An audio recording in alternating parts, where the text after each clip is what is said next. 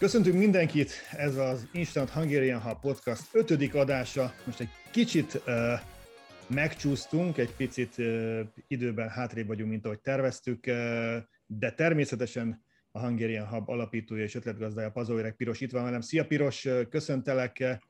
Most már mindketten Floridában vagyunk, durván egy órányira egymástól, igaz? Szia Andris, igen, ebben szerettem volna nyitni, hogy welcome to Florida végre. Köszönöm. Ugye nyilván a csúszásnak egyik oka volt a költözés, úgyhogy mesélj róla, hogy alakult, hogy sikerült, de itt nem vagytok, tudom, ez a lényeg, persze, nem de... Tudom, nem tudom, mennyi időnk van a műsorban erre, hogy én ezt, ezt elmeséljem, azt, a, azt, a, azt az élményt, vagy nem tudom, nem tudom, rémámot, amit átéltünk. Megérkeztünk, maradjunk annyiban. Ez még nem a végleges stúdió helyen, most jelen pillanatban a feleségem irodájába kuckóztam be egy kicsit, hogy ezt a mostani adást fel tudjuk venni, ugyanis az én irodám az ezzel szemben egy másik helységben lesz, de azt még falazni kell, meg majd festeni kell, úgyhogy nem tudom, hogy mikor fogom tudni elfoglalni a végleges Aha. helyemet, de, de már a házban ben vagyunk. Van egy-két szoba, ami már úgy néz ki, ahogy elképzeltük, ez mondjuk a, a kislányunk szobája, meg mondjuk a konyha, meg az ebédlő, és az összes többi mhm. az ilyen katasztrófa sújtotta területnek néz ki, doboz, doboz hátán mindenhol. Van egy szoba, ahol csak a, a képek, meg a, meg a fotók, meg a nem tudom, mik vannak. A garázsba egy autóval tudunk beállni, szerencsére most második autónkat ezt eladtuk, nincs is több hely a garázsban, mert csak dobozok vannak benne. Én Elhiszem. most már nem tudom, egy hónapja ugyanabban a három pólóban és két rövid nadrágban vagyok, mert az összes többi az benne van a dobozban, nem tudunk kipakolni, mert hogy a gardrób az még bútor nem érkezett meg, szóval várunk egy csomó minden dologra, de itt vagyunk lent Floridában, úgyhogy élvezzük a meleget, de ezt nekünk még szokni kell azért Cincinnati, Ohio után, ez egy, ez egy hőmérsékletileg egy elég komoly, komoly ugrás. Nektek hogy sikerült annó, mennyire nehezen ment az átállás? Ti szintén Ohio-ból jöttetek ide le Floridába. Egyrészt ugye érzem a hangot közelségét, ezt, ezt mindenképpen meg kell jegyeznem, hogy, hogy mennyivel közelebb vagy most, ez teljesen át is jön itt a kamerán keresztül, illetve az éteren keresztül, ez már csak vicc. De nagyon, nekünk nem volt ebben problémánk, én nagyon-nagyon szeretem a meleget, úgyhogy, de mi is ilyen nyáron érkeztünk, így pont mi is ilyen június elején, nagyon könnyen hozzászoktunk, akkor miután rögtön mentünk Magyarországra, szóval nem is volt igazán időnk megszokni, de ha jól emlékszem, akkor most ti is pár hete rögtön leköltöztetek, és mindjárt el is utaztatok. Igen, két, két hetet voltunk itt a beköltözés után, és utána elmentünk egy másfél, majdnem két évvel ezelőtt lekötött, vagy kifizetett, és aztán utána folyamatosan halazgatott hmm. Hawaii túrára, oh. uh, és, uh, és bármennyire furcsán hangzik, de igazából itt sokkal melegebb van, mint Havajon. Szóval mi igazából a hűvösbe mentünk, ott ilyen 28 foknál több nem nagyon van, és az a maximum, és éjszaka pedig ilyen 19-20 fok, és ez, ne, ez egész évben ez van. Úgyhogy egy nagyon kellemes klímába mentünk, utána ez a floridai 32, 33, 34 fok, ez, ez, ez még a pára. Is. Meg a pára, a igen. Pára. Ugye, és ráadásul pedig öt órányival vagytok mondjuk Miamihoz képest, most gondold el, hogy ott most már mi van, pedig még csak ténylegesen június elejét Bizony. számolunk, és valami hihetetlen. Én azért is szeretem ezt a közép-floridai részt, mert talán így a nyarak kellemesebbek, igaz a tél nem annyira meleg, de szerintem ez egy nagyon jó kompromisszum. Ezzel, ezzel én is így vagyok, úgyhogy már nagyon várjuk azt, hogy végre tényleg berendezkedjünk mindennel. Én azt gondolom, hogy ez valamikor ősz környékén, ott a Summit környékén már bízom benne, hogy minden helység úgy fog kinézni, uh-huh. ahogy előzetesen elképzeltük. Egy 21 hónapos kislányjal nem egyszerű a összepakolás, a kipakolás sem, a költözés sem, úgyhogy bár a Szandra nagyon cuki és tényleg nagyon jól viselt az egészet, de, de, de azért, azért, azért ez kemény volt nekünk. Főleg így, hogy igazából az a fajta támogatás, amit, amit mondjuk magyar, ha az ember Magyarországon költözik, és a szól az összes havernak, meg mindenkinek, hogy jöjjenek segítek, na az itt nincsen, vagy nem volt, úgyhogy, úgyhogy túléltük az a lényeg, hogy túléltük, nézzünk előre, és most már, most már tényleg azzal foglalkozunk, hogy itt, itt megteremtsük, nem teremtsük magunknak azt az otthont, amit, amit előzetesen elképzeltünk, amivel ti már, ti már teljesen jól látok nektek, mert tényleg, tényleg minden megvan itt. Floridában ti vagytok ebből a szempontból a mi példaképeink, úgyhogy, úgyhogy előre, előre nézzünk, nézzünk, tegyünk mi is így az adásban, és kezdjük az első vendégünkkel készült beszélgetést. Őt úgy hívják, hogy Dr. Trunkos Judit itt él Amerikában, egy egyetemi professzorról van szó, és hogy Mi is az ő speciális területe, az is rögtön kiderül.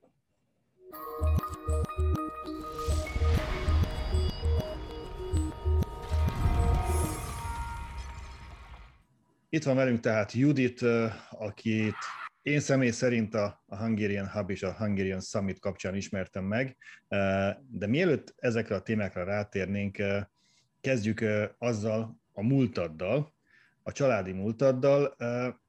Milyen volt édesapád, a legendás Omega zenekar menedzsere, és te gyakorlatilag ezek körül, ezek körül, a, a legendás zenészek körül nőttél fel. Milyen, milyen volt ez az élet az elmúlt időszakban, az elmúlt évtizedekben?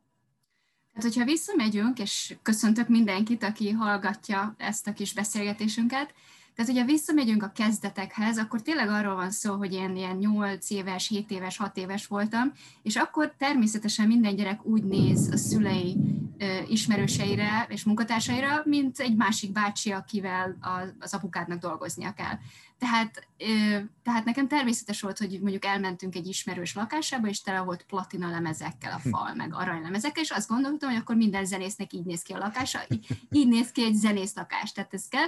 A másik kötelező, a mindenféle hangszerek a lakás minden részében, gitárok, gitárpengető halmaz, a konyhától kezdve az összes szobákig, és hát mivel én is így nőttem fel, ezt láttam, hogy ez másoknál is így megy, és ezt akkor úgy elkönyveltem, hogy akkor minden gyerek így nő fel.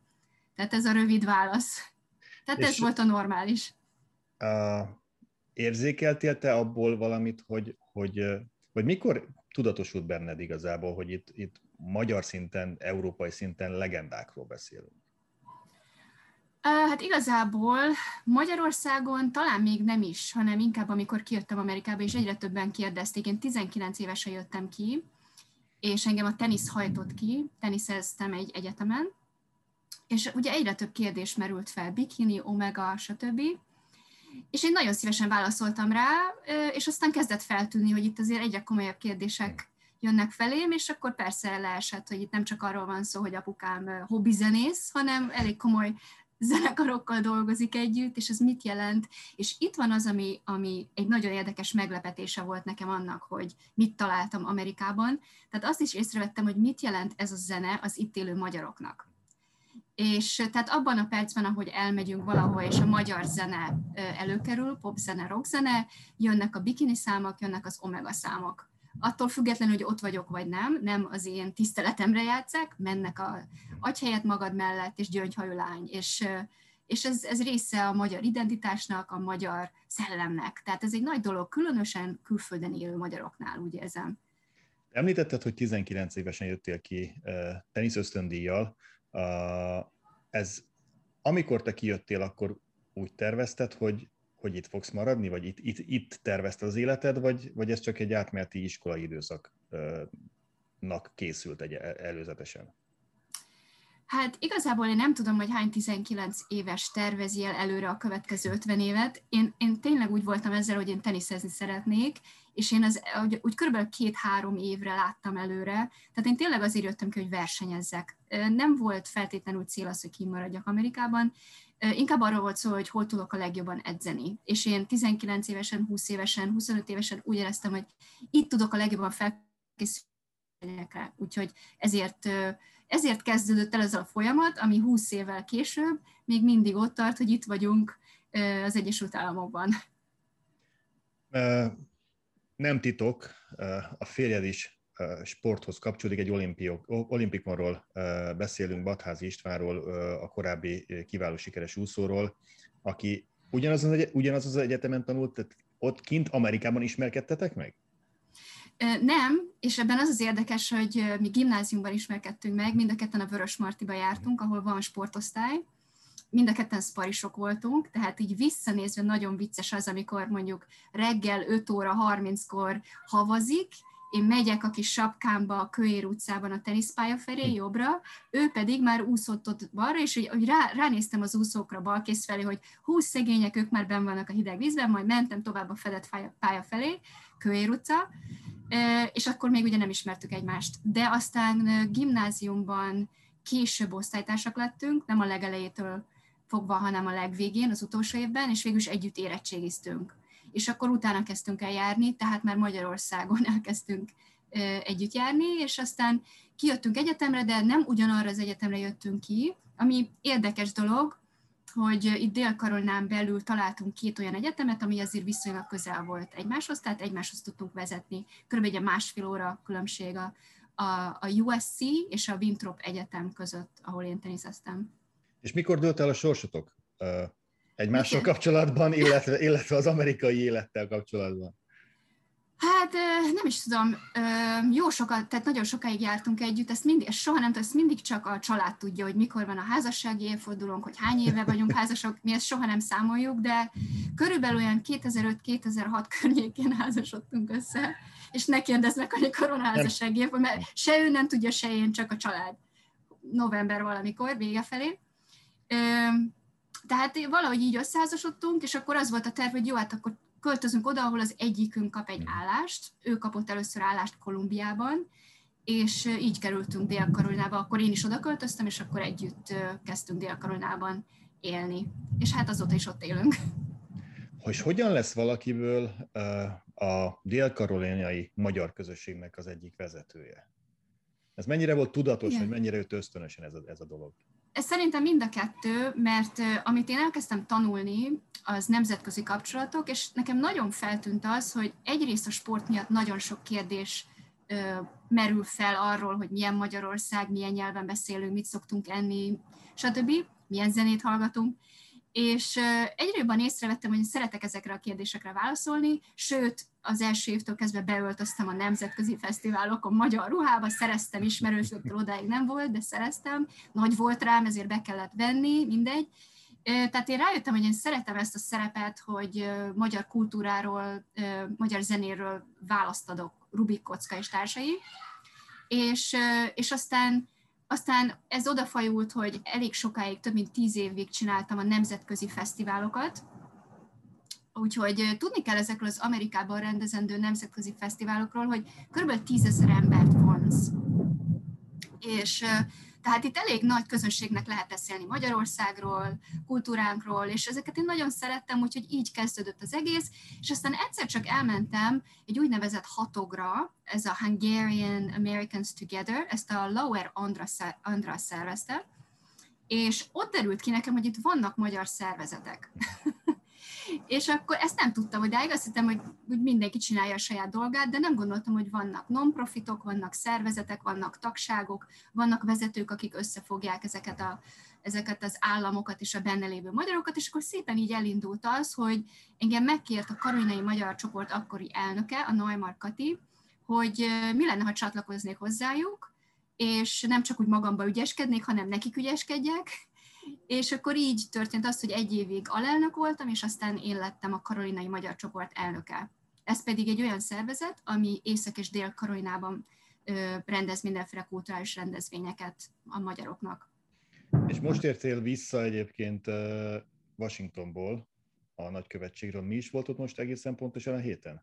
Igen, tehát az a helyzet, hogy a koronavírus ugye nagyon sok személyes találkozót limitált. A, a Karolinai Magyar Szervezet Egyébként két másik szervezettel együtt, a Karolinai Magyar Egyházzal és az Online Magyar Iskolával, mi együtt elültettük a Nemzeti Összetartozás fáját egy évvel ezelőtt, június 4-én.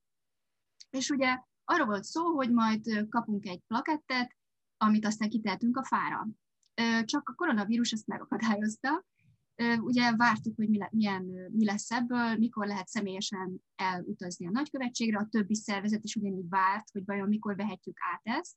És hát a koronavírus sajnos ezt megakadályozta, viszont nekem mindenképpen el kellett utaznom a nagykövetségre, mert útlevelet kellett hosszabbítanom.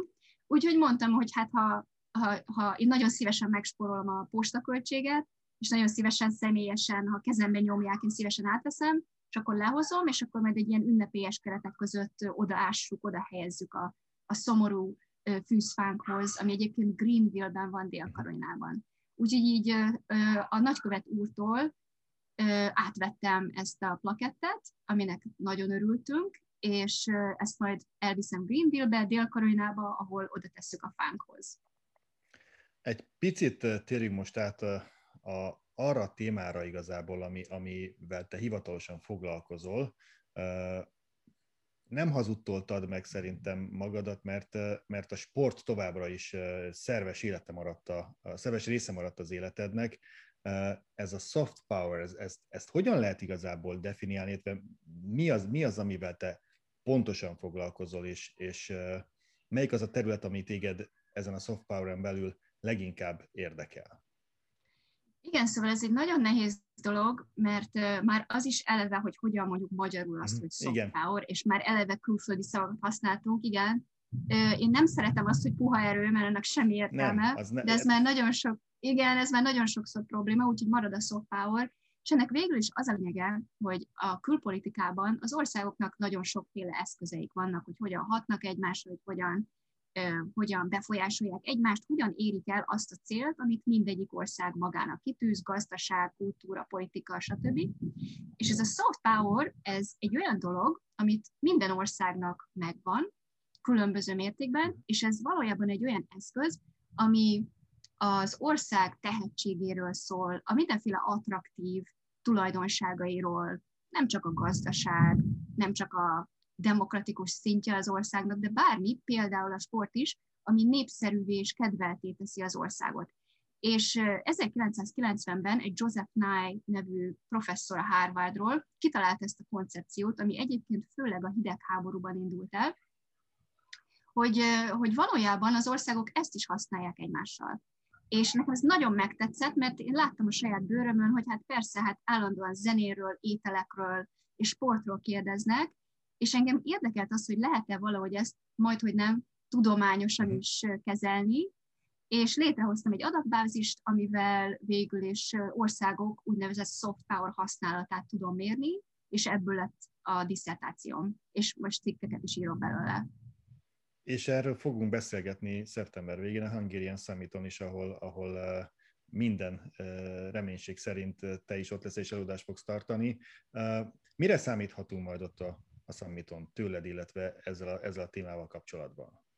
Igen, hát a lényeg az lett, itt kifejezetten a sport eszközre fogunk fókuszálni, és igazából azt fogjuk megnézni, hogy országok, én egyébként írtam egy fejezetet egy könyvben, egy társszerzővel, ami arról szól, hogy az országok hogyan használják a sportdiplomáciát, mint eszközt nemzetközi kapcsolatokban, és nagyjából ezt fogom felvázolni, de ilyen nagyon könnyen, nagyon remélhetőleg érdekesen, sok képpel, és sok magyar vonatkozással, és valójában azt fogom bemutatni, hogy az országok a sportot hogyan használják azért, hogy egymásra hatással legyenek, és akkor ezután két részre bomlik majd ez a beszélgetés, megnézzük azt, remélhetőleg minél több sportdiplomata el tud majd jönni Magyarországról, megkérdezik őket, hogy Magyarországon ez mit jelent, és hogy milyen sikeres sportdiplomáciai események vannak Magyarországról, majd kérdéseket teszek fel, és erről elbeszélgetünk, és aztán a végén egy kicsit rátérünk arra, hogy milyen az, amikor az egyén, a sportoló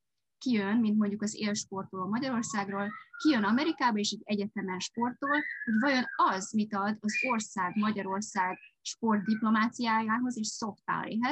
Más néven meg fogjuk kérdezni mostani és régi sportolóinkat, hogy ők mit adtak hozzá ehhez, miközben itt tanultak és itt sportoltak egy amerikai egyetemen.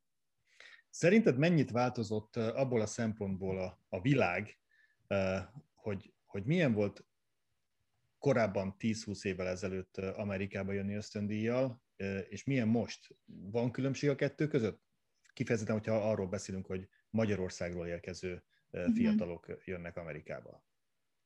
Hát biztos, hogy van különbség. Én a fejlődést látom, én egyből azt látom, hogy ahhoz képest, amit például én kaptam a teljes ösztöndíjjal, ahhoz képest mennyivel többet kapnak a mostani diákok, tehát szebb ruhát, szebb cipőt, több minden, több ütőt, húrt, mindenfélét. Hát a koronavírus most elég sok mindent megváltoztatott, és természetesen egyetemektől is függ, és programtól is függ. De én tényleg úgy látom, hogy a, a sportolóink egyre többet kapnak, és nem csak anyagi dolgokban, hanem például, ami nagyon fontos, az étkezés, amit mi egyáltalán nem vettünk komolyan, amikor én edzettem, és ez a, ez a korosztály szerintem még nem figyelt elég oda az étkezésre. Most pedig már az egyetemi szinten is ez fontos dologá vált. Tehát a, a sportolókat felkészítik arra, hogy a szervezetük hogyan tud a legjobb, legjobb formába lendülni, és mit kell enni verseny előtt, verseny után, és különböző egészítőket kapnak, rájuk szólnak, hogy mit egyenek és mit ne egyenek. Úgyhogy, úgyhogy szerintem sokkal többet kapnak a mostani sportolók, mint mondjuk én 15 évvel ezelőtt. Ami szerintem nagyon jó egyébként. Véleményed szerint melyik, melyik az erősebb vonal, hogyha valaki kijön Amerikába sportolói múltal, sportösztöndíjjal sportolni és dolgozni, tanulni, és a végén kap egy diplomát, és azzal fog elhelyezkedni, vagy, vagy az, a, az a vonal erősebb, vagy az a vonal működik jobban, hogyha egy sportoló kijön ide, sportol, mellette tanul, és utána, amikor befejezte az egyetemet, akkor profi sportolóvá válik, és úgy folytatja tovább. Hát tudod, ez a profi sportoló dolog, szerintem nagyon sokan úgy jövünk ki, hogy ez a cél. Uh-huh. És azért ez egy elég kemény dolog. Persze, nagyon, hát nem akarom azt mondani, hogy sok, sok sportolónak sikerül, de van, akinek sikerül. Uh-huh. Az a véleményem, hogy azért a legtöbbnek nem, vagy a legtöbbnek nem is ez a cél. A legtöbb sportoló szerintem azért jön ki, hogy szerezzen egy amerikai diplomát, és meghosszabbítsa a sportolói karrierjét, hiszen otthon elég nehéz tovább sportolni és közben egyetemre járni. Itt azért olyan a rendszer, hogy ez a négy év, ami alatt egy főiskolai diplomát lehet szerezni, ez alatt tovább folytatható a sport, egy élsport szinten, egyetemi versenyek, ami elég magas színvonal, tehát ezzel akár fel is lehet készülni egy profi szintre, különösen, ha olyan konferenciában van az illető, de az a véleményem, hogy a legtöbben, amikor kijönnek egyetemre sportolni, nem a profi sport a cél, hanem egy diploma szerzése és esetleges ingyen, mert hát ugye teljes ösztöndíj, ez egy nagyon nagy dolog, hiszen itt akár 25 ezer dollártól 70 ezer dollárig is lehet évente a tandíj. Úgyhogy szerintem általában a sportolók diplomát szereznek, és utána vagy hazamennek, vagy itt próbálnak dolgozni. A profi sport az egy nehéz dolog, én megpróbálkoztam vele, nekem úgymond nem sikerült, de mindent beleadtam. Hát igen, abba is belefut az ember, hogy nagyon kemény az ellenfél. Tehát ez mindenhol az, Magyarországon is, itt is, és hát igen, tehát amit itt éreztem az az, hogy az edzők nagyon támogatnak, akkor is, ha sokat vesztesz, vagy valami, vagy lesérülsz, vagy öregszel, akkor is, akkor is azért próbálnak támogatni, ami szerintem azért nagy előny azzal szemben, hogy ott van azért nagyon sokszor az edzőknek negatív a hozzáállása. Úgyhogy, úgyhogy hát nagyjából ez a válaszom, persze egyéntől függ. Nagyon nagy mentalitásbeli különbség van a magyarországi sportvilág és az amerikai sportvilág között. Ezzel te személy szerint hogyan birkóztál meg, illetve hogy látod, hogy van-e változás, van-e közeledés a két teljesen eltérő mentalitás között? Igen, ez egy nehéz dolog, mert én már több mint húsz éven nem edzek otthon. Mhm. Tehát nem tudom, hogy most mit kapnék az edzőtől. Ez egy nagyon nehéz dolog, mert mert amilyen keményen bánnak velünk Magyarországon, ennek azért sokszor megvan az eredménye. És itt pedig azt látod, hogy kesztyűs kézzel bánnak a sportolóval, minden nagyon szép, minden nagyon jó, ügyes voltál, jó, hogy megpróbáltad, és azért vigyázni kell, mert ebből lesz az, hogy nem ér el semmit a sportoló, mert túl kedvesek vele, és minden megfelel, minden elég jó. Úgyhogy hó, persze mindig a kombináció lenne a legjobb, hogyha nem tennék tönkre az embert mondjuk lelkileg egy vesztett meccs után, de azért ki kell hajtani a legjobbat a sportolókból. Úgyhogy megmondom őszintén, szerintem a legjobb kombináció, ami mondjuk elég sok egyetemen van, hogy külföldi az edző, de amerikai keretek között. Tehát hozza magával ezt a keménységet Brazíliából, Norvégiából, bárhonnan, viszont az amerikai egyetemek mindent megadnak, tehát van mindig teniszpálya, van mindig vadi teniszlabda, és megvannak a körülmények, és megvan a kemény edző hozzá. Tehát szerintem ez egy jó kombináció. Milyen a, a magyarok megítélése? Te amerikai egyetemi közegben mozogsz. Hogyan vélekednek rólunk magyarokról az amerikaiak, illetve ebben a soft power használatában hogy látod, hogy, hogy melyek azok az országok, amelyik ezt legjobban használják? Tehát az én tanulmányom alapján Finnország kiugró. És ennek sok oka van, most belemehetünk, hogy technikailag mi a helyzet, de végülis a diszertációm is azt mutatta, hogy azért természetesen nemzetközi kapcsolatokban is, külpolitikában is, minden országnak komoly céljai vannak. És ezek nem mindig, sőt, ezek nem gyönyörű rózsaszín, szívecskés elképzelések, hanem általában az életükért küzdenek ezek az országok, tehát komoly céljaik vannak. Például Finnországnak ott van Oroszország, a keleti oldalán, akitől komolyan véde, védenie kell a függetlenségét. És a diszertáció is ezt mutatta, hogy mondok egy számot, Finnország 94% soft power használ, soft power használ, ami azt jelenti, hogy mondjuk 100 interakcióból bármilyen más országgal 94-szer soft power-t fog használni, és csak, és csak 6-szor fog hard power-t használni. Ez egy, elég, ez egy elég kiugró dolog, azért vannak más országok is, amik ilyen magasan vannak. Tehát azért, mert ez egy védelmi mechanizmus náluk. Puha, nagyon óvatosan kell lavírozniuk, hiszen nem NATO tagok, viszont az oroszok ott vannak a keleti fronton. Úgyhogy az, az a stratégiájuk, hogy sok szövetséget szereznek, kedvesek, diplomatikusak, és ők e, ezt erre építik a túlélésüket. Gornai Miklós külgazdasági atasé mondta néhány héttel ezelőtt, amikor beszélgettünk, hogy most már a Fehérházban is van olyan diplomata, aki elkezdett sportdiplomáciával foglalkozni. Ezek szerint korábban ilyen nem volt itt Amerikában? Ó, ez egy, tényleg nem tudom, hát, szóval nem akarom azt mondani, hogy mindent tudok az Egyesült Államok Fehérházáról. De azt meg tudom neked mondani, hogy a diszertációm alatt megnéztem, hogy az elmúlt 15 évben mire költötték a pénzt.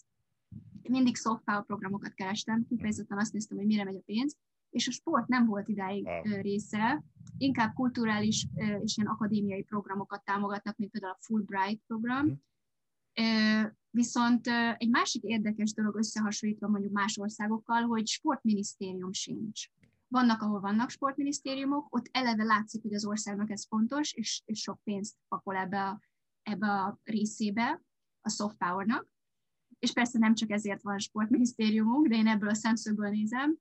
És viszont annak örülök, hogyha most felbukkant a Fehérházban valaki, aki ezt az ágat fogja vinni, mert természetesen ez nagyon erős itt az Egyesült Államokban, tehát erre igenis lehet programokat építeni és továbbvinni. Végül egy személyes kérdést engedj meg. Eh, ti hogyan, többször említetted azt, hogy a koronavírus sok mindent megváltoztatott. Ti, a ti családotok azt hogyan élte meg ezt, a, ezt, a, ezt az egész másfél évet, ami, ami, ami mögöttünk van, illetve, illetve hogyan jöttetek ki ebből az egész uh, helyzetből? Hát szerintem mi nagyon szerencsések vagyunk, mert mi mindent elég könnyen meg tudtunk oldani. Mi itthonról dolgoztunk, ahogy elkezdődött a koronavírus és a lezártság, úgyhogy mi mindent itt horról csináltunk, itt nagyon könnyű sportolni, ahol, ahol mi lakunk, tehát mi nagyon sokat sportoltunk, futottunk, a kislányommal elkezdtem teniszezni, és tehát igazából megoldottuk, nem volt semmi probléma. Szerencsére a család is jól van, tehát senki nem betegedett le komolyan, volt, aki elkapta a koronavírus, nem itt a közelünkben, hanem akik Magyarországon vannak, de mindenki szépen kigyógyult belőle, és hát már mindenki várja azért természetesen a személyes találkozást, de mi sem voltunk már otthon a koronavírus alatt, úgyhogy az a terv, hogy azért remélem hazajutunk év végén, vagy minél hamarabb. De szeptember végén Daytona Beach-en lesztek. Az igen, igen, család. igen, igen, hát igen, igen, ez a terv. Szuper, nagyon várom, hogy személyesen is találkozunk. Nagyon szépen köszönöm a beszélgetést, és nagyon szép nyarat kívánok nektek. Nagyon szívesen. Köszönöm. Köszönöm.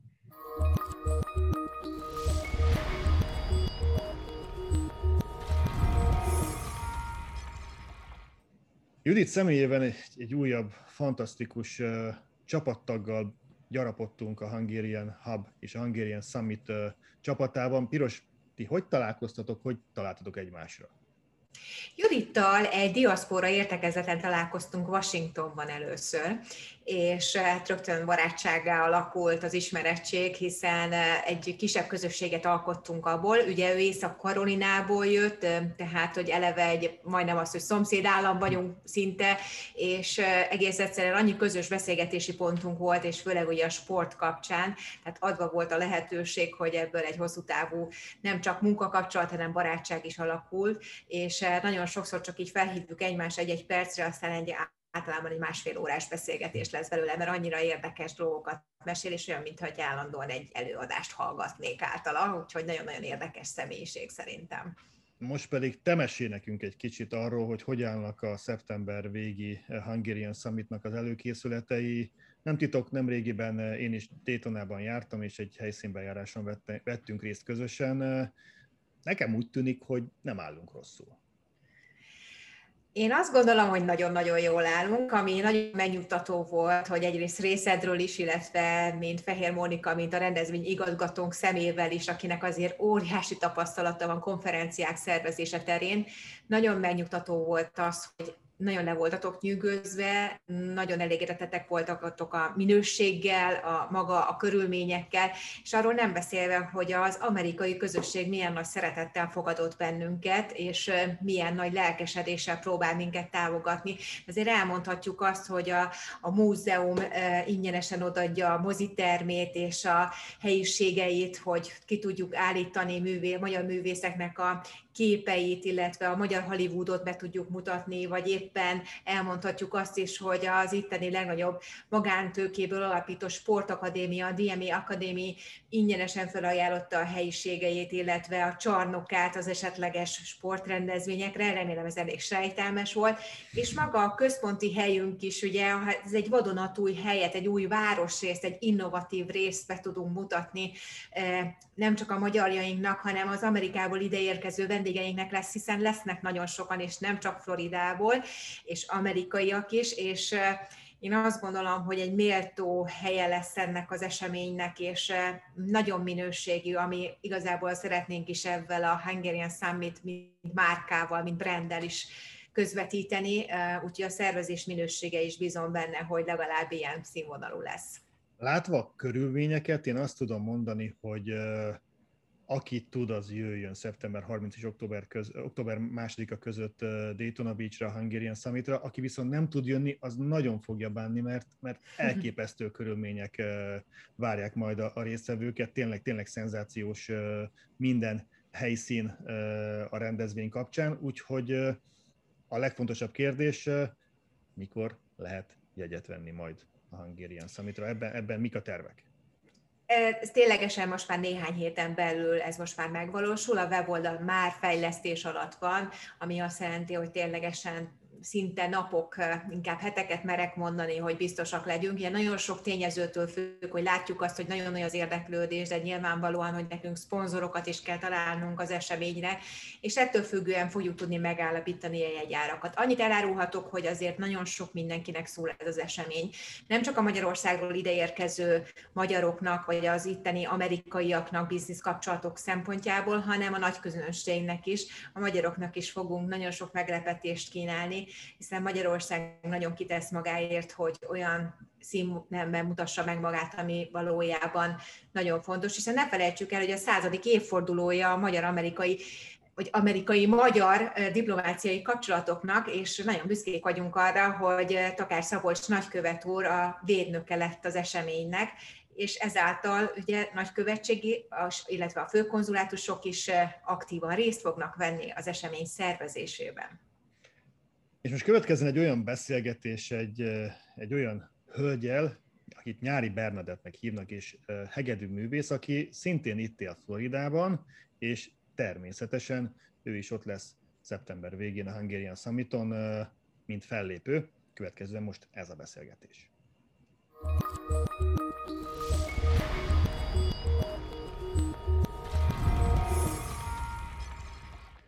Mai második vendégünk tehát Nyári Bernadett hegedű művésznő, aki most jelen pillanatban azt gondolom, hogy picit az én szívemet mindenképpen eh, megszakította azzal, hogy Budapestről, a rakpartról jelentkezik be.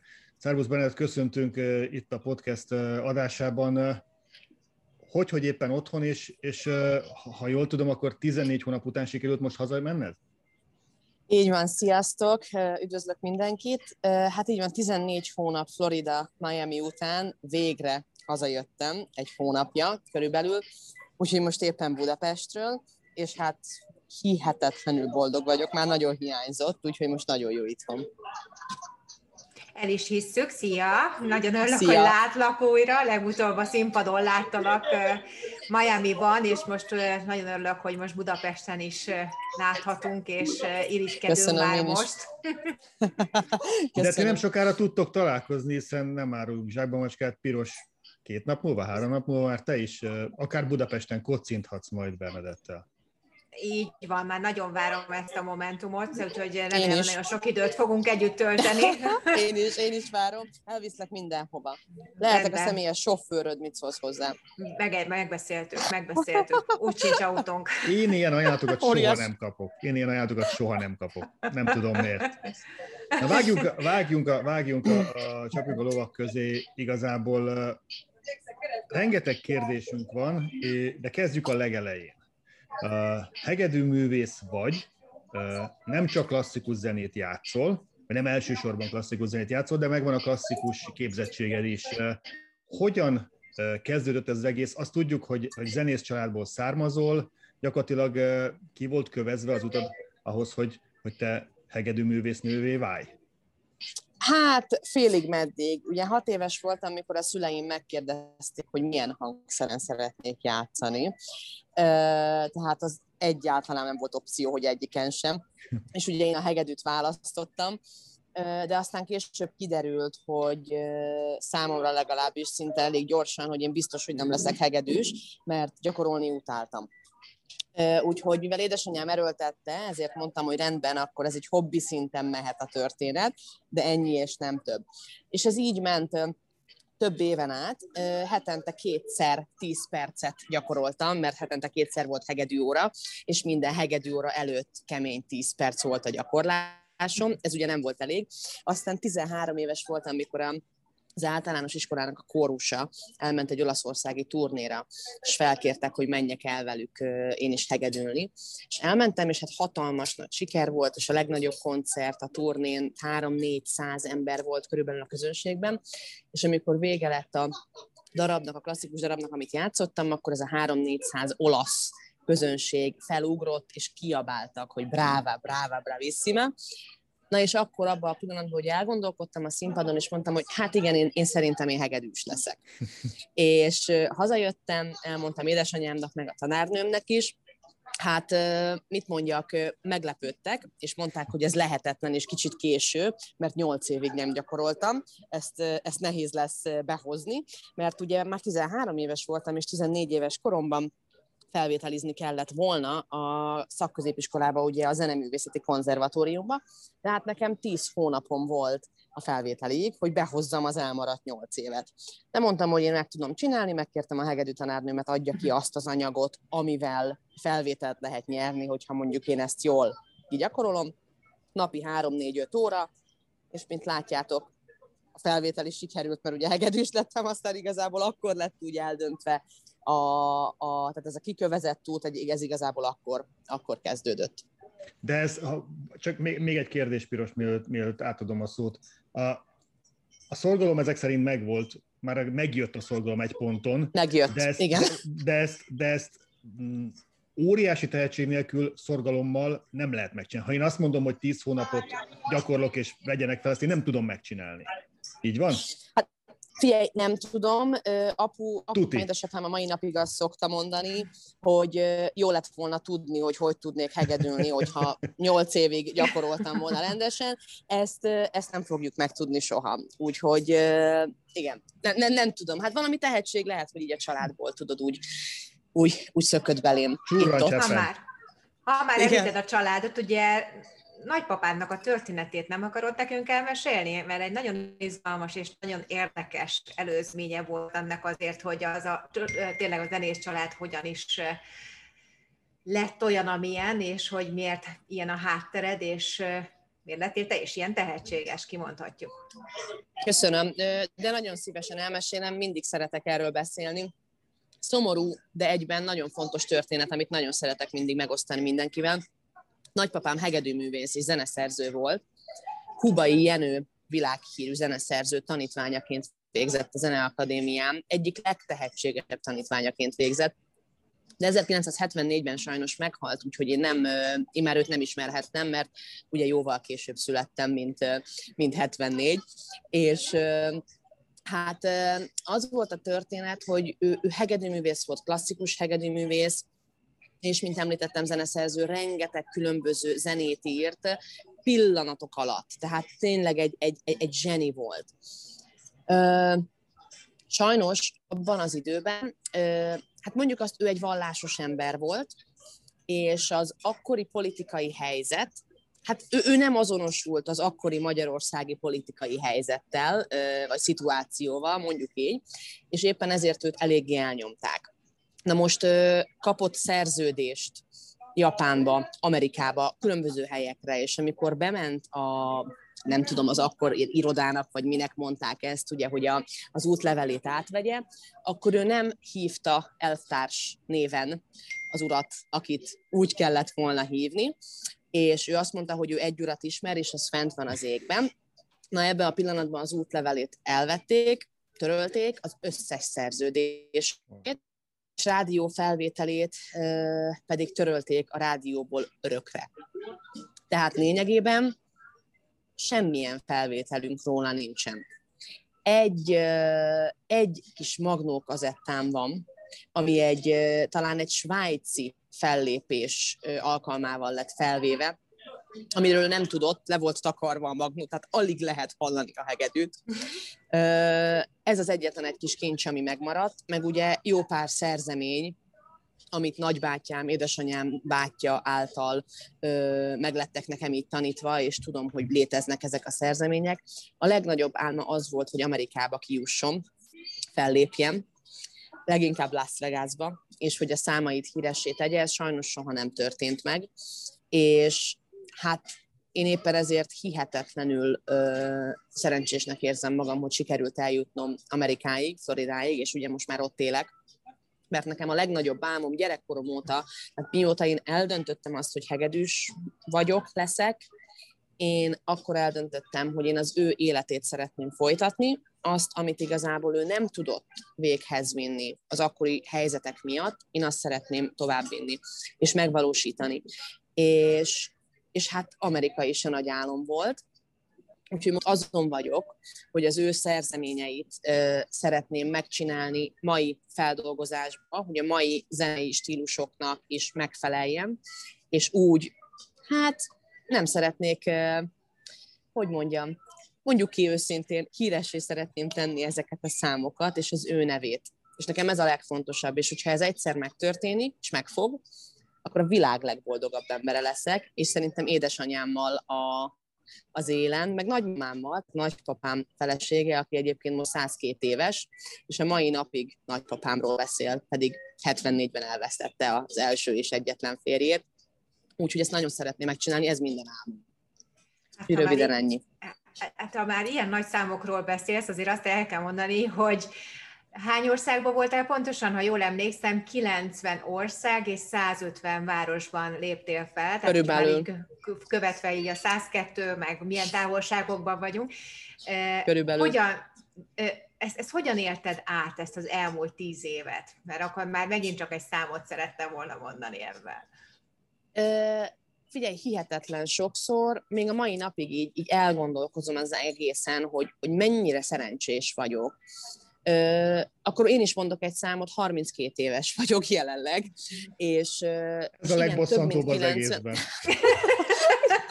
Ez, az, az Ez a legbosszantóbb szám, igen. És hát 17-18 évesen kezdtem el úgy utazgatni, de úgy igazán, ugye a Zeneakadémia után. És ugye az elmúlt 10 évben igen több mint 90 ország és 150 város volt, és annyi annyi tapasztalatot szereztem, annyi kultúrát ö, megismertem, megtanultam, hogy az az igazság, hogy tényleg erre azt mondom, hogy ezt az iskolában soha nem lehet megtanulni. Tehát az, hogy nagyon sokszor azzal szoktam, azt a játékot szoktam játszani, amikor egy zenészekkel fellépek bárhol, meglátok a közönségben egy, egy urat, vagy egy társaságot, és ránézek a zenészre, és azt mondom nekik, hogy ezek olaszok.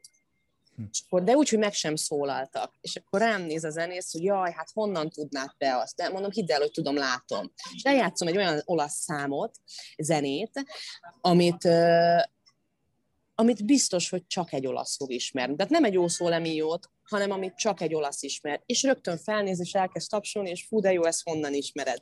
És akkor így visszaigazolódik nekem az, hogy na, hát tudtam, hogy olasz, mert látom.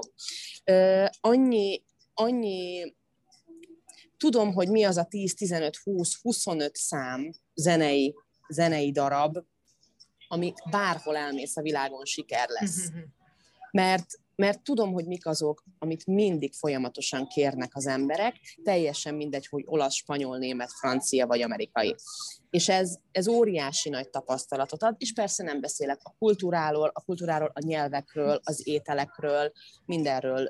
Úgyhogy igen, 32 éves vagyok, de sokszor úgy érzem, hogy 45, mert mert annyi mindent láttam, hogy más egy életen át ennyit nem lát, és ezért én nagyon hálás vagyok, hogy ez igazából megadatott. Ez ugye nagyon érdekes egyébként, amit mondasz, mert én jóval idősebb vagyok, mint te. Én 50 plusz országban voltam, és én ugyanezt éreztem egyébként, de most veled téged halva inkább úgy döntöttem, hogy jobb, ha csendben maradok, mert az 50 ország az olyan, az olyan ciki. De hogy, és, de hogy. És, és ezzel kapcsolatban viszont az utazással kapcsolatban nekem két kérdésem van, egyben teszem fel a kettőt. Miért éppen Amerika, miért éppen Florida? És a másik pedig, hogyha ha elmehetnél, visszamehetnél valahova ezek közül a helyek közül, amit újra megnéznél, vagy, vagy van-e olyan hely a, a, a, az életedben, ahol mindenképpen szeretnél még eljutni? Amerika az mindig álom volt pontosan azért, hogy nagypapámnak az emlékét és nagypapámnak az életét vigyem. Mindig álom volt. Hm.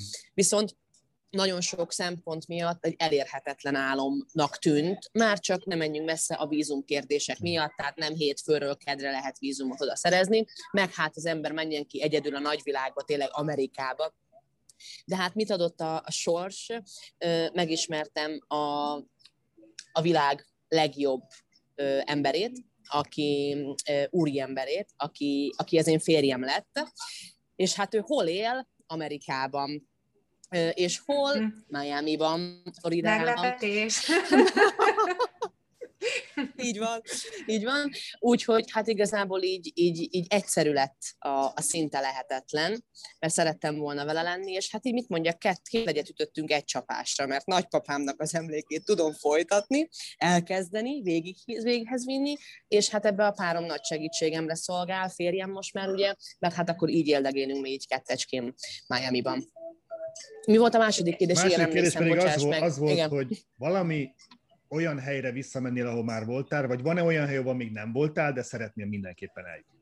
Rengeteg olyan hely van, ahol nem voltam egyébként, tehát ez a 90 ország, ez nagyon soknak szűnik, tűnik, de higgyétek el, hogy nagyon sok helyen én sem uh-huh. voltam. Ö, hát igen, ö, az Ázsia rész az szinte teljesen kimaradt, uh-huh. meg Ausztrália, Új-Zéland, ö, nekem nagyon nagy ál... Valahol voltam, ahol mind a kettő. Jóban, jóban. Igen, látod? Ö, nekem Izrael nagyon nagy álmom volt, hogy oda eljussak és ez tavaly előtt, pont Covid előtt sikerült, úgyhogy az Jeruzsálembe, tehát az nekem egy óriási nagy álom volt. Azok a helyek közül, hogy hova mennék vissza, nagyon sok helyre egyébként, tehát például Olaszország az számomra mindig egy olyan hely, hogy hiába voltam százezerszer, és rengeteg olyan város van, amit kívülről belülről ismerek, tehát lényegében hazajárok, bármikor megyek Olaszországban nagyon szívesen, Görögországgal ugyanígy vagyok, Horvátországgal úgy szintén, de az az ország, ami, a, ami, ami mindig hiányzik, és ahova mindig vissza akarok menni, az Magyarország. És hogy mondjak nektek egy nagyon rövid példát, két héttel ezelőtt le kellett mennem egy fellépésre Horvátországba, és egy kedves barátnőm velem tartott, mert csak ugye egy gyors hétvége volt, és hát akkor így kiruccant velem, és sétálgattunk a tengerparton. Kettő nap volt az egész. Budapestet két napra hagytam el. Sétálgattunk a tengerparton, és mondta a barátnőm, ő is nagyon sokat utazott már régen, és mondta nekem, hogy jaj, de hát azért még annyi minden helyre el lehetne menni, Szesel szigetek, ide-oda. Most, ha bárhova választ, bárhova mehetnél, most hova mennél el? Hát mondom, figyelj, ha most bárhova mehetnék, akkor most Budapestre. Úgy, hogy egy nappal előtte ott voltam. És következő nap pedig ismét jöttem haza. Tehát ö, rengeteg helyen voltam, de az egyetlen egy hely, ahova visszavágyom, még most is, hogy jelenleg itt ülök, az igazából Budapest. Mindennél jobban szeretem Magyarországot. Szerintem ezt megértjük mi is, de hogy említetted Horvátországot, azért talán annyit elárulhatunk, hogy párod, férjed, ugye, horvát származású, illetve horvát állampolgár is egyben. Így van. És sokat jártok oda, és arról nem is beszélve, hogy most már Horvátországban és Szerbiában is egyre nagyobb népszerűségre teszel szert, hiszen az egyik leghíresebb hölgy csapat. Zenekar. Csapat, zenekar, igen. hívjuk őket, igen. Lényegében befogadtak téged negyedik tagnak, és a Noviszádról származó együttese szoktál fellépni? Mesélni nekünk erről egy kicsit. Ez így van, ez egy ilyen teljesen új történet. Van Szerbiában egy, egy, egy, egy, egy lányzenekar, 10-12 éve turnéznak az egész ex-Jugoszlávia területén, tehát ők nagyon híresek ezekben az országokban, és Nekem volt egy ilyen baráti viszonyom velük, nem túl régóta egyébként, tehát másfél éve egyébként egy koncerten megismerkedtünk, és kialakult egy ilyen ismerősi baráti viszony, és és most egy, hát egy pár hónappal ezelőtt Szerbiában egy nagyon híres énekes eltávozott, az volt a neve, hogy Balasevics, és ez a lányzenekar, az egész, egész Jugoszlávia, ex-Jugoszlávia imádta őt. És, és ez a lányzenekar írt a Balasevics emlékére egy, egy számot, és felhívtak engem, hogy ha pont itthon vagyok, akkor mennyire jó lenne, ha lemennék a stúdióba, és felvenném a számnak a hegedű részét. És hát mondtam, hogy természetes, lementem Újvidékre, Noviszádra, és büszke vagyok rá, hogy a Macska Jaj című film, amit biztos vagyok benne, hogy mindannyian ismertek, a Macska Jaj című filmnek a, a zenei producere stúdiójában vettem fel ezzel a producerrel ezt a számot, és még játszottunk is együtt, csodálatos volt, Szerbia legjobb producere. Felvettük a számot, nagyon jól sikerült, utána két nap múlva hívtak a lányok, hogy jó, hát akkor csinálunk hozzá videóklipet is, tehát megtennéd, hogy, hogy, hogy leugrasz még egyszer, mondom persze, lementem a videóklipre is, és ez volt múlt héten, és videóklip közben említették nekem, hogy hát jövő héten szombaton egyébként koncert van, és hogy akkor találkozunk Horvátországba. És hát mondom, nekem ti nem mondtatok semmit. Hát dehogy nem, hát mondtuk, hát szombaton koncert. Hát mondom, de lehet, hogy valamit említettetek, de én nem vállaltam el. Tehát én soha nem mondtam azt, hogy én ott leszek. Hát de ott kell lenned, nagy koncert van, hát végre az első nagy koncert Covid után, uh-huh. nagy színpadon, nagyon fontos, ott kell lenned. És mondtam nekik, hogy jó, mondom, ezt át kell beszélni, mert sajnos nem volt autóm, összetörtem a kocsit, mindegy hosszú, és mondtam, hogy akkor ezt majd megbeszéljük, menjen le a klipforgatás, és megbeszéljük. És képzeljétek el, hogy mit csináltak velem. Klipforgatás közben volt egy kis szünet, oda hívtak, hogy ismered ezt a számot, és az elejét így mondták. Mondom, igen, kezd már el légy szíves hegedülni csak a szám elejét. Jó, persze, berakták a telefont, selfie videóba, beálltak mellém hárman, elkezdem hegedülni, nagyon mosolygok, 10-15 másodperc, utána ők szerbül beszélnek valamit a selfie videóban, és kinyomják, egy 20 másodperces kis videó volt. Mindenki mosolyog, és mondom, ez milyen videó volt? Ja, hát csak mondtuk a rajongóknak, hogy akkor szombaton mindenkit várunk a koncerten Körk szigetén, a Horvátországba, és Bernadett itt fog velünk hegedülni. És én rájuk néztem, és nem tudtam, hogy sírjak, vagy nevessek. Mondom, ez most komolyan, mondom, nem vállaltam el, de most már muszáj rajta, vagy a videón itt kell, hogy legyél. Úgyhogy most szombaton ott voltam Körk szigetén is a, az első nagy koncertjükön, ami ugye Covid után most volt, óriási volt. Nagyon-nagyon-nagyon jó volt. Én azóta olyan érzésem van, mint hogyha szerelmes lennék, három napja most már, mert Covid óta, Covid, COVID el, elment, bocsánat. Semmi, Láttatok? Igen, bocsánat. Covid óta, tehát 16 hónapja nem álltam nagy színpadon. Uh-huh. És voltak privát partik, ez az persze csináltuk, ugye Miami-ban is ugye a, a koncertet ugye a lányoknak, de az a, azok, a, azok a nagy koncertek, amiket én csináltam az elmúlt években, az sajnos Covid óta nincs. És annyira hatalmas nagy élmény volt újra ott állni a színpadon, úgyis, hogy ez nem a saját koncert nem mhm. volt, hanem velük, hogy igazából kimondhatatlan, és még egyszer rájöttem, amire már nagyon sokszor sikerült, hogy nekem ez az életem, és enélkül nem tudok élni. És ez éltet, ezt tesz boldogá, ez a levegő, ez a víz, ez a mindenet. Egyszerűen imádom. Említetted, említetted hogy a világon bármerre mész, 20-25 számban, ahol, amit mindig, mindenhol szinte garantáltan kérnek tőled, mert azokat mindenhol szeretik. Nem is ezekre vagyok kíváncsi.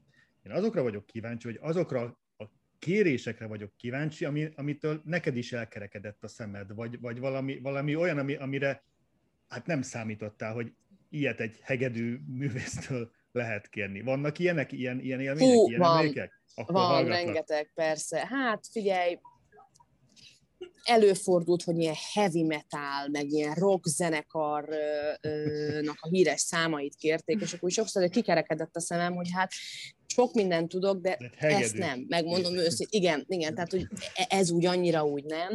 Volt egy nagyon érdekes történet, körülbelül nyolc éven át, amikor elkezdtem így utazgatni, minden egyes amerikai amikor engem meglátott, oda jött, és azt mondta, hogy fú, el tudod nekem játszani azt, hogy a Devil Went Down to Georgia.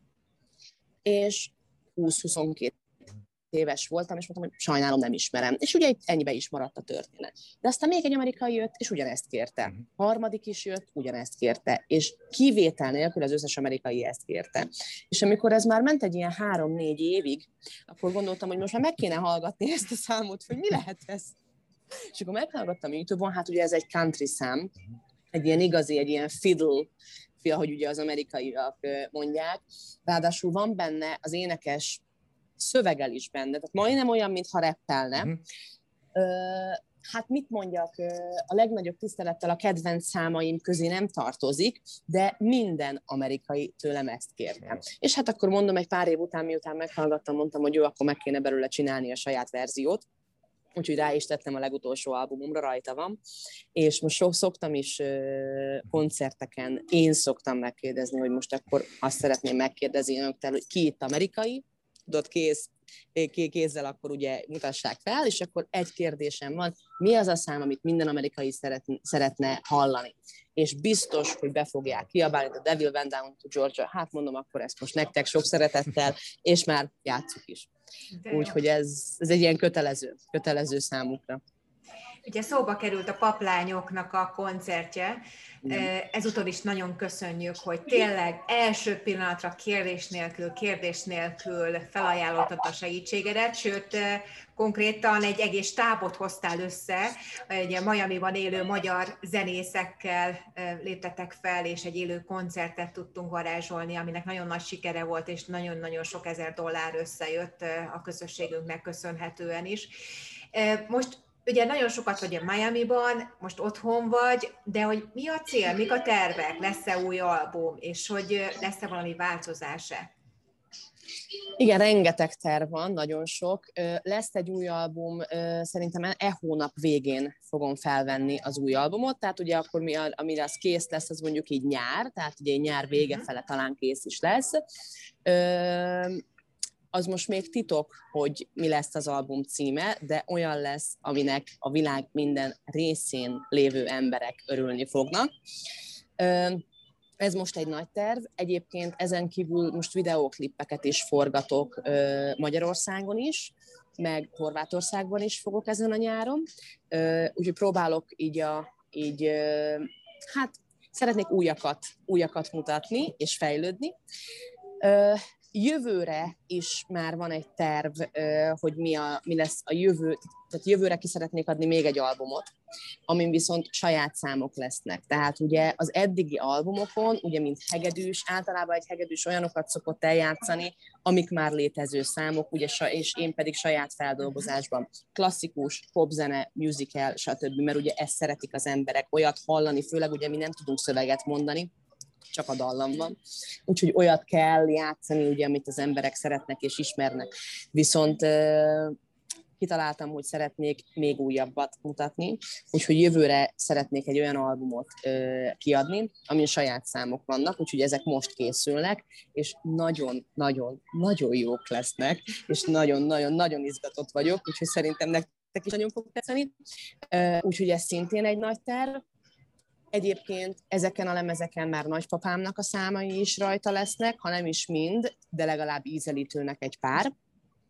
És ezen kívül hosszú távon pedig maximálisan az a terv, hogy Európa, de inkább úgy mondom, hogy ez a Magyarország és Miami, Florida, Amerika közötti kapcsolatot szeretném zeneileg is ö, ö, megmutatni. Én nagyon szeretném a kinti magyaroknak és a kinti amerikaiaknak is természetesen megmutatni ezt a magyar virtust zeneileg, ami nekünk van, hozni egy kis magyarságot az életükbe, a kultúrájukba, és ugyanezt oda-vissza. Nagyon szeretném Magyarországra is ö, hazahozni azt zeneileg, kult, kultúra, kult, kultúrában is, amit kint megtanulok, és így megmutatni, összekötni talán egy kicsikét még jobban az országokat, az én zeném által. Úgyhogy ez mindenképpen ez a terv. Ez a, nekünk meg az a tervünk veled, hogy szeptember végéig maradhatsz ki Magyarországon, viszont a Hungarian Summiton Daytonában ott kell lenned szeptember 30-án, nincs mese, és pont ezt a hídépítést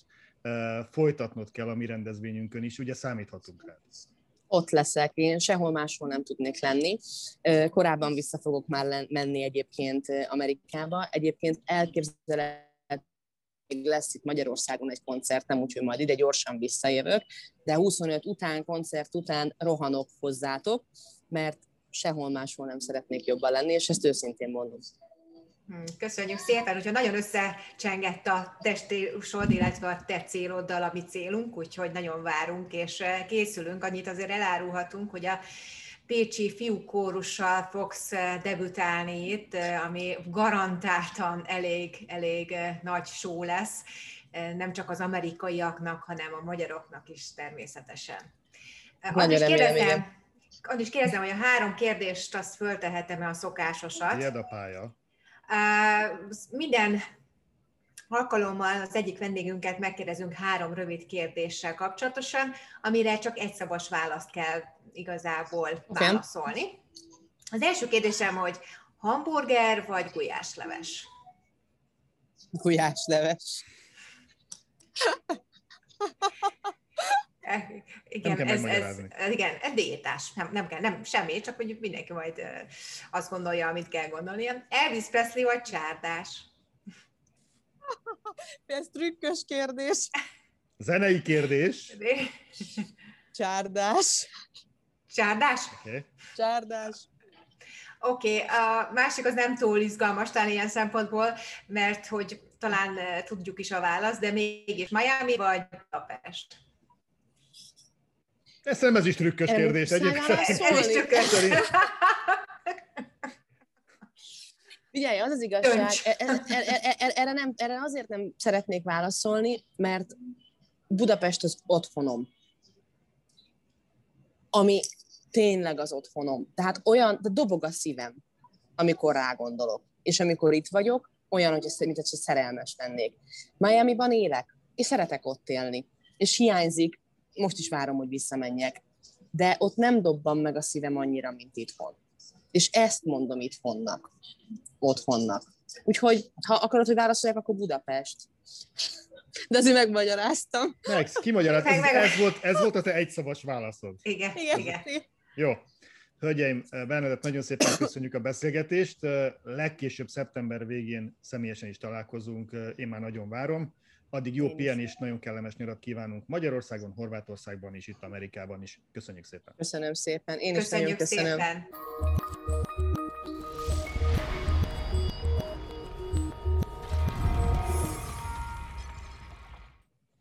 Én nem tudom, hogy nekünk mindig ilyen vendégeink vannak, akik ennyire jól beszélnek, és ennyi érdekes dolgot tudnak eh, elmondani. Mindig tervezem, hogy ilyen 15-20 percet beszélgetünk, aztán annyi. Hát ez is most fél órát beszélgettünk, és, és még tudtunk volna másik másfél órát beszélgetni vele. Eh, jó választunk vendégeket, nem? Nagyon-nagyon jó, hát egyszerűen varázslatos embereket vonzunk magunk köré, úgyhogy de ténylegesen de én tudnám hallgatni még Bernadettet is, vagy nem tudom, két órán keresztül. Tényleg fantasztikusak, és nagyon-nagyon szerencsések vagyunk, de hát nem véletlen a választás, úgy tűnik.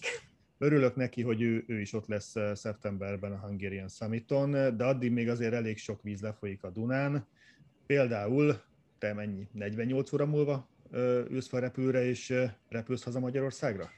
Így van, hát most ugye én, mi is egy éve nem voltunk otthon, azért ugye többször volt az elmúlt években, hogy kétszer-háromszor is hazajutottunk évközben egy rövidebb találkozó erejére, de most valóban, most már egy év után már nagyon-nagyon vágyakozunk haza, és a 12 éves nagyfiam is ténylegesen már tényleg számolja a perceket, hogy alig várja már, hogy a nagyszülőkkel, rokonokkal találkozzunk Budapest utcáin sétálgassunk, és be tudjunk külni jó kis fagyizókba és kávéra, most mert most, hagy, most hagyd abba, most hagyd abba. Elnézést, tudom, de most nem tudod, hogy nem tudtok most egyelőre most, egyelőre most úgy tűnik, lehet, hogy ezt, ezt most idén nyáron kihagyjuk. Ja. Mik a tervek otthon egyébként? Vannak konkrét tervek? Milyen hosszú időre mentek haza? Elég sokra szoktunk hazamenni, most is ilyen hét hetet tűztünk ki célul. Uh, nyilván ez sok munka is lesz benne, egy a Hungarian Summit szervezése miatt azért nem tudok leállni, de tervezünk természetesen mi is kirándulni, Balaton, rokon találkozók, Horvátország, még a kis fiam bölcsödés barátaival egy egész nagy körrel megyünk együtt, vagy körülbelül egy olyan majdnem 40 fős társasággal, Horvátországba is például Szóval lesz bőven program, nem fogunk unatkozni, és hát konkrétan ilyenkor nem tudom te, hogy vagy, vagy egy Excel táblával megyek, és be vannak osztva, hogy konkrétan, hogy ki, mikor, hány órakor kivel találkozom, ami csodálatos is persze, de ilyenkor mindig elgondolkodik az ember, hogy nem lenne jó inkább. Igen, fárasztó, fárasztó és hogy mikor hazamegy az ember pihenni, hogy nem lenne jobb egy Yellowstone parkba elmenni, és akkor inkább két hétig csak ott lenni, és nem találkozni senkivel. Nem, jobb otthon, jobb otthon lenni, de, de tényleg, de tényleg, a haza, hazautazás főleg egy hosszabb időszak után, amikor nem volt otthon az ember és nem találkozott családdal, barátokkal, az, az effektíve fárasztó. Így van, így van. Hát ugye meg otthon EB is lesz, az EB őrletben is azért bele fogunk csöppenni, sőt, megyünk musicalt nézni is, amit, amire nagyon-nagyon vágyom már, tehát a kulturális wellness, ahogy egyik barátom szokta mondani, és mentális és kulturális wellnessben lesz részünk, és most már nyitnak ugye a, a, a színházak is, a kulturális események is most már elérhetőek lesznek, szóval nem fogunk unatkozni. Covid kapcsán nincs benned, vagy bennetek semmiféle rossz érzés, feszültség, bármi? Érdekes módon nem. Én azt gondolom, hogy mi mindent megtettünk annak érdekében, hogy szabadodjunk, tudjunk otthon is mozogni. Nyilván féltjük az idősebb rokonainkat, és próbáljuk azért tiszteletbe tartani az ő kéréseiket, hogyha azt fogják kérni, hogy maszkban legyünk, vagy ne ölelgessük őket, ezt meg fogjuk tenni. De azt látom, hogy már annyira vágyik mindenki erre a fajta szabadságra, hogy, hogy nem lesz belőle probléma. A tavalyi nyár is azért emlékszel, azért egy nagyon szabad volt Magyarországon, és tehát nagyon lazák nem, voltak nem emlékszem, mert nem voltam. Akkor se voltál, bocsánat, valóban. Nem voltam otthon. Hát tavaly volt egy nyári számítunk, meg tudtunk szervezni egy 120-130 fős esemény, semmi gond nem hm. volt, nem volt utána senki beteg. Bízunk benne, hogy ez a sok mutáns és ez a, ez a kavarodás, ez most már egy kicsit magunk mögött fogjuk tudni, és szeptember 30-án meg, meg aztán tényleg a mindenki ott lesz, akivel most is találkozhatok otthon, tehát csak itt Floridában, úgyhogy nem kell olyan, elhozzuk neked ezeket az embereket, mondjuk így, jó? Legyen, legyen, legyen így, legyen így, Piros Magyarországi utazása miatt most pici szünetre megy az Instant Hungarian podcast, legközelebb augusztusban jelentkezünk, amikor már Piros is visszatér ide a tűzforró Floridába, és, és aztán természetesen a munka nem áll meg, a Hungarian Hub weboldal továbbra is működik, eh, cikkek kerülnek fel, interjúk kerülnek fel, ez adás is nem sokára eh, fent lesz, elérhető lesz mindenféle podcast eh, platformon, illetve a YouTube csatornánkon is. Kövessetek minket, ha bármi kérdésetek vagy észrevételetek van azzal kapcsolatban, állunk elébe. Piros, neked nagyon jó pihenést kívánok, nagyon jó utat kívánok, és találkozunk legközelebb augusztusban. Köszönöm szépen, és neked is, és családodnak is, és természetesen az összes podcast hallgatónak, nézőnek is ugyanezt kívánom. Köszönjük szépen, sziasztok!